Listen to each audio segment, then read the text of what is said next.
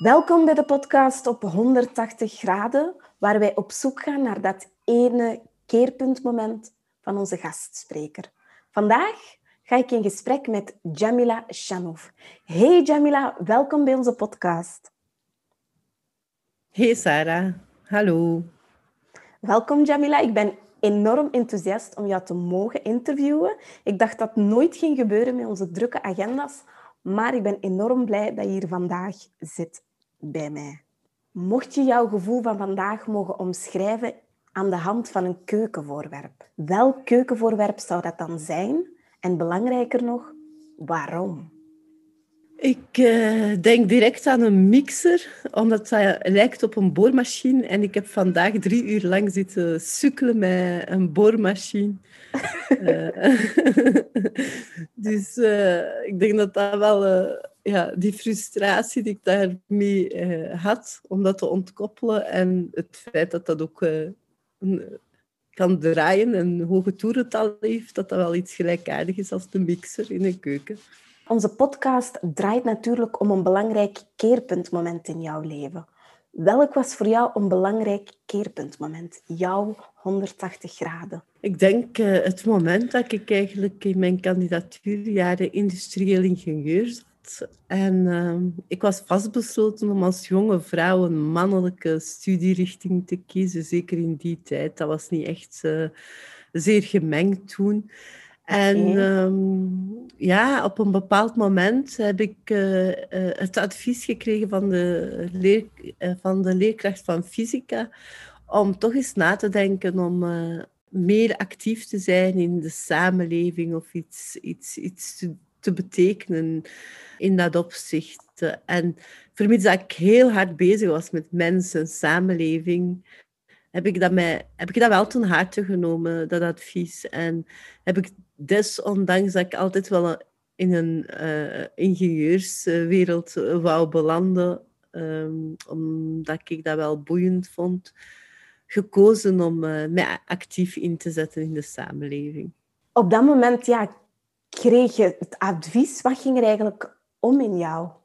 Ik vond enerzijds uh, duidelijk geworden uh, dus op het moment dat, dat iemand eh, die je al eigenlijk amper kent of weet vanuit welke sociaal-economische status of vanuit welke wijk of, of buurt je kwam, een vrij afstandelijke relatie dat we eigenlijk hadden. Een vrij ja, leraar-leerlingrelatie, studentenrelatie. En haar advies was echt zo klaar en helder het moment dat zij ja, haar, haar bedenking daarover gaf, dat was het moment dat voor mij zo duidelijk werd dat dat, dat is wat ik al jaren naar snakte.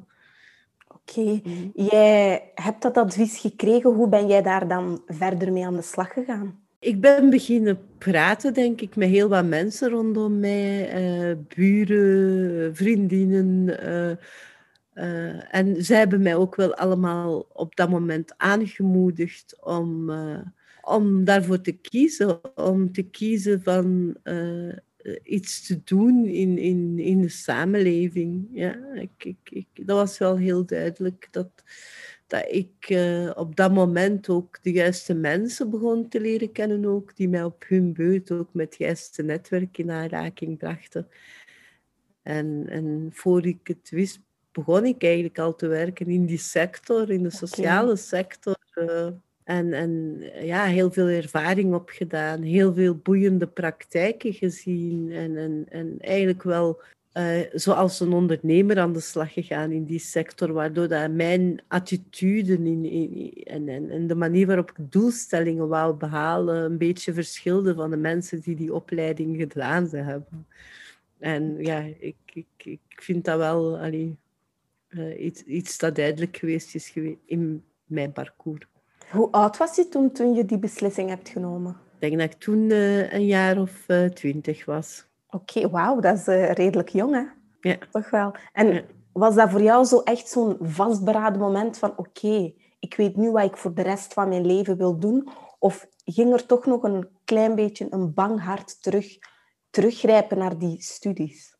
Dat is later pas gekomen, als ik merkte dat eigenlijk ook zo, ja, de, de, comfort dat gepaard gaat aan, aan, aan werk, dat dat eigenlijk een beetje ontbrak in mijn leven, omdat ik ook enorm veel uit engagement deed. En op een bepaald moment maakte ik mij wel de bedenking van, moest ik nu uh, bruggen aan het bouwen zijn in Dubai?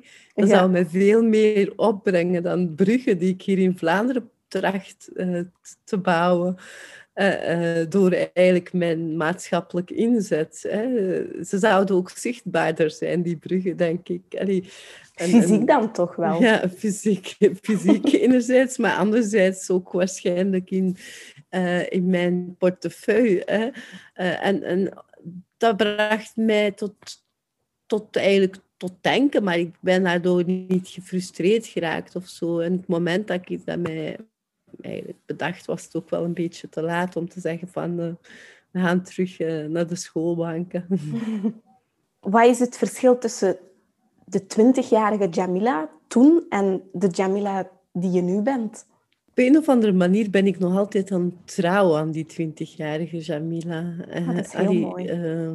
Ik ben altijd wel iemand geweest die idealistisch is, die probeerde dicht bij een grens te gaan staan om over muren te kijken, nieuwsgierig in het leven staan, uh, proberen heel veel te reizen, openstaan voor mensen, jong en oud. Uh, ik heb mij doorheen de jaren niet laten proberen, ook als je als mens zaken meemaakt. soms is het leven ook moeilijk. Hè?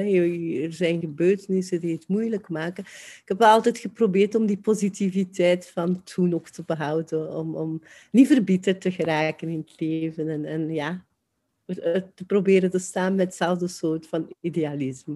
Dat is heel mooi omschreven. Ben je eigenlijk tevreden met waar jij nu staat in het leven? Absoluut, absoluut. Ik, ik ben mama van uh, vier fantastische kinderen. Heel mooi verdeeld. Twee jongens, twee meisjes. Dat maakt dat we in ons gezin ook drie uh, van het mannelijke geslacht hebben en, vier, en drie vrouwen. Een heel mooi evenwicht. Een evenwicht. En, en dat is eigenlijk wat dat, mens nodig heeft om gelukkig te zijn, ook evenwicht. Waar dat, als je geen evenwicht hebt op je werk, dan, lukt het niet om gemotiveerd te blijven. Als je geen, ik, ben, ik ben wel zo iemand van, ik geloof heel sterk om, in dat evenwicht. En ik, ik, ik merk het ook aan de input en het verschil van de kinderen en, en ook van mijn werk, hoe, hoe dat ik zelf probeer te bepalen wat me gelukkig maakt, kiezen waar ik voor wil gaan, uh, sterk in mijn schoenen te blijven staan, uh, principieel uh, blijven, ethisch kwesties voor ogen houden.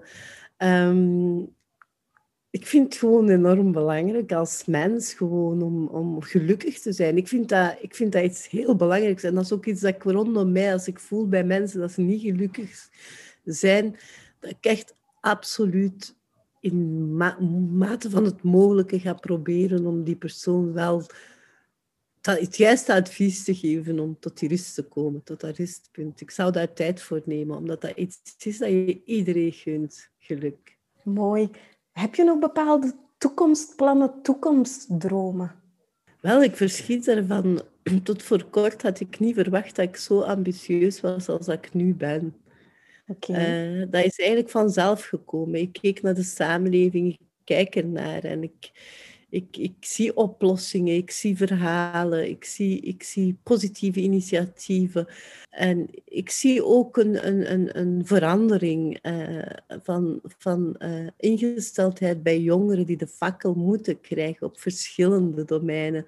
En ik denk dat enerzijds uh, het feit dat ik zelf een strijd heb moeten leveren in, in een bepaalde sector, dat ik, dat, dat ik die expertise kan meegeven, enerzijds. En anderzijds dat ik wel gelukkig in geslaagd ben om een zachte stem te blijven. Om, om, om, om, om uh, te zoeken naar die verbinding. En ik hoop uh, ja, dat te kunnen verzilveren. Uh, mijn jarenlange inzet. gewoon door, door te geven waarvoor ik mij heb ingezet. Dus de ruimte waarvoor ik gepleit heb, dat dat dan ook effectief eh, realiteit wordt voor, ja, voor de idealen waarvoor ik stond en sta.